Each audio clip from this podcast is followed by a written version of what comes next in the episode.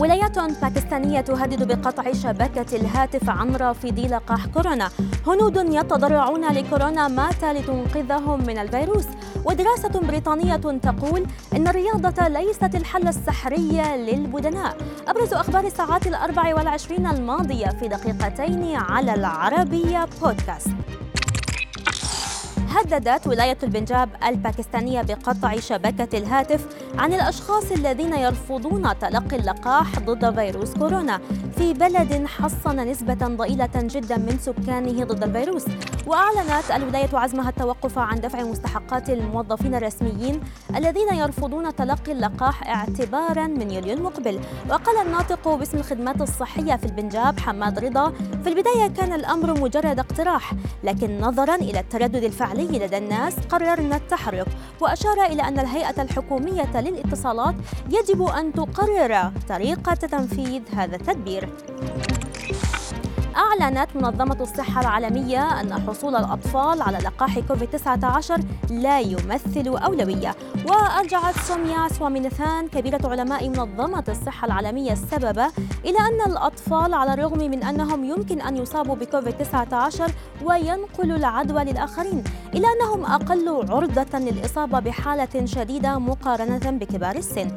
وأوصت منظمة الصحة بأن يتم البدء بالعاملين في مجال الرعاية الصحية والعاملين في الخطوط الأمامية المعرضين لخطر الإصابة بالعدوى وكذلك كبار السن والأشخاص الذين يعانون من أمراض مزمنة تجعلهم في خطر كبير للإصابة بمرض شديد.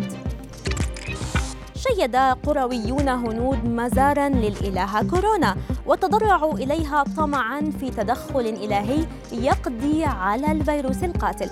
وابتهل السكان في قرية شوكلابور بولاية أوتار براديش الشمالية في صلواتهم ووضعوا مياها مقدسة وزهورا عند المزار الأصفر الزاهي الذي وضعوا فيه معبودتهم الإلهة كورونا ماتا قبل أيام. وقالت قروية إن هذه الطريقة قد تجلب البركات وبعض الراحة لمن يعيشون في القرية وفق اعتقاداتهم فيما حذر خبراء الصحة من هذه التجمعات الدينية باعتبارها قد تتسبب في انتشار أكبر للفيروس. خلصت دراسة علمية جديدة إلى أن الذين يعانون السمنة المفرطة ويمارسون التمارين الرياضية بانتظام معرضون لخطر الإصابة بأمراض شديدة على رأسها مرض السكري.